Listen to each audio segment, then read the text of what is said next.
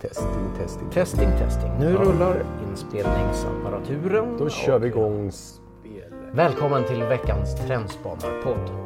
Idag ska vi prata om ännu ett spännande ämne hämtat ur ett av Nordens trendspanarbrev de senaste veckorna. Och vi som pratar, det är jag, Niklas Lång, och med mig har jag, Kjell Lindström, som vanligt. som alltid, Som alltid på hugget. Och ämnet den här veckan, Kjell. Det, det här är, nu kastar vi oss ut i logistikens spännande Ja, logistiken glömmer man ju bort ibland, men den är ju eh, satt under en väldig omvandlingstrycksprognos. Och då är det New Atlas som skriver att nu blir containertrafiken elektrisk. Ni kan ju försöka tänka er hur mycket containerbåtar det finns. Och nu kommer alltså den nya innovationen. Och det är 2018, alltså nästa år, kommer det första helt elektriska och obemannade containerfartyget. Alltså det blir som en, som en drönare fast på vattnet.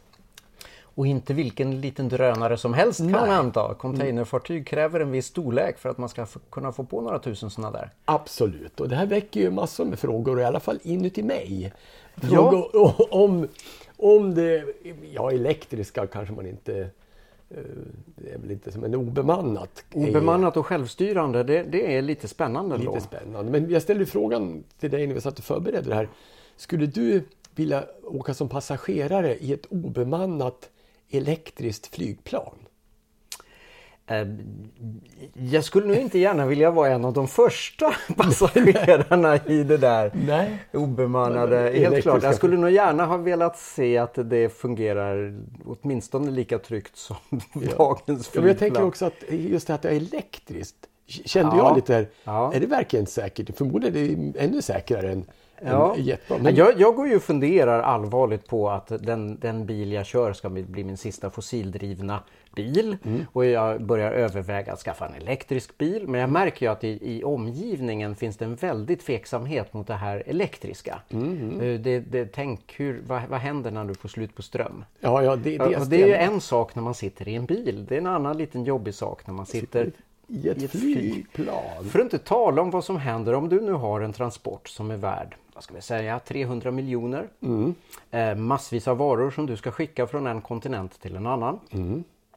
Och så säger någon att du kan få 10% lägre pris om du skickar det med vår obemannade elektriska container. Och du blir också klimatcertifierad.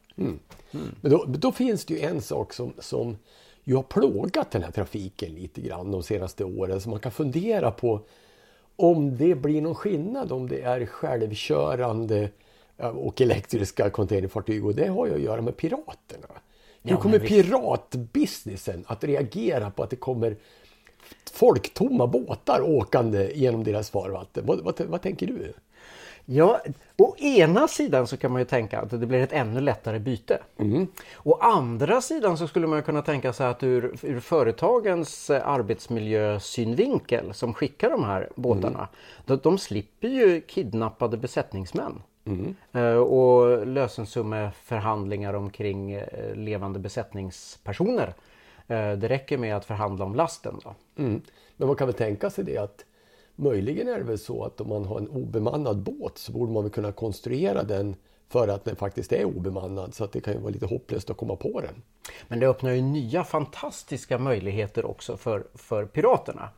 Hur tänker du då? Jag, jag menar, jag tänker att om, om man kan äm, hacka Pentagon så nog kommer man väl kunna hacka ett containerfartyg. Det blir liksom det komsi, komsi, komsi, komsi, komsi. behöver man ju inte- ens en båt för att vara pirat. Nej. Tala om att, att eh, pirat i datasammanhang kommer att få en ny, Men det betyder- fullständigare betydelse. Det betyder att är en grupp som står inför arbetslöshet här nu. Det är alltså våra afrikanska pirater för de blir utkonkurrerade förmodligen utav, av folk som kan datorer häftigt. Som kan hacka sig det är in det. möjligt. Ja. Det är faktiskt möjligt. Men du hade också ett intressant eh, idé. Alltså i, i att tjäna pengar. Ja. Om man ska frakta saker som inte nödvändigtvis måste komma fram i expressfart. Då är ett sätt att hålla ner kostnaderna att köra långsammare. Ja precis. Ja för det, det, det, har jag förstått när jag har tittat lite. Dels håller jag ju på att roa mig med någonting när jag kör bil som jag kallar för klimatfart. Det kan vi prata om en annan gång. Mm. Men det handlar ju om att jag kör långsammare. Mm. Eh, topphastighet max 80. Mm. Och, och, då har jag varit lite intresserad av det här och jag har förstått att man kör ju de här dieseloljedrivna containerfartygen. De drar så fruktansvärt med soppa för att transportera eh, mm. över världshaven. Så att det finns en väldig ekonomi i att köra långsammare med dem då. Och då är det ju så att man kör dem nu alltså så långsamt de här eh, dieseldrivna containerfartygen så att de går faktiskt långsammare än segelfartygen gick på 1600-talet. Tillbaka med seglen! Ja precis! Ja, Varför elektronik? Varför liksom beröva hela bilindustrin från alla dessa fantastiskt viktiga eh, litium, eh, högar av litium som behövs för batterier till dessa containerfartyg. När man kan utrusta dem med segel på en gång. Cutty Sark, come back, ja. we want you.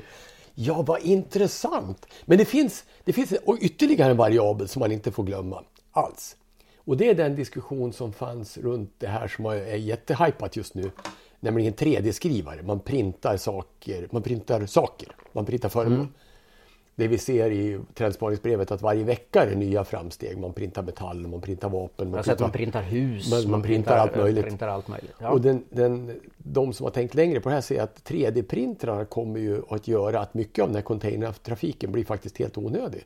Därför att man behöver inte tillverka på ett ställe och frakta över utan man kan tillverka det där ja. det ska ha, användas. Ja, och det behöver inte riktigt vara så att man, man, tillverkar, man har 14 eh, olika 3D-skrivare hemma. En för betong, en för metall, en för plast och så. Utan man kan ha en, en lokal 3D-entreprenör. Mm.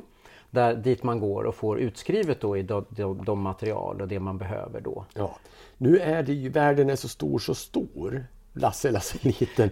Jag, jag har lite svårt att man ska täcka allt detta konsumistiska samhällets oändliga behov av miljarders miljarder grejer med 3D-skrivare. Men jag bara återger vad, vad, vad de som tror på det här tänker. Och i så fall så skulle vi gå mot en framtid där vi, vi, den, där vi ser ett antal lite ensamma elektriska obemannade containerfartyg kör de få containrar som finns kvar Kanske med ny, nygjorda 3D-printrar, det vore ju rätt spännande. Ja. Och att eh, de här båtarna, eh, containerbåtar blir helt enkelt mer sällsynta därför att saker och ting printas på plats över hela globen. Vad vet vi? Vad vet vi? Eh, helt klart så går containerfartygen mot nya utmaningar. Absolut. Och är ni intresserade av ytterligare frågor som har med omvärldsförändringar att göra. Trendspaningar, framtidsfrågor.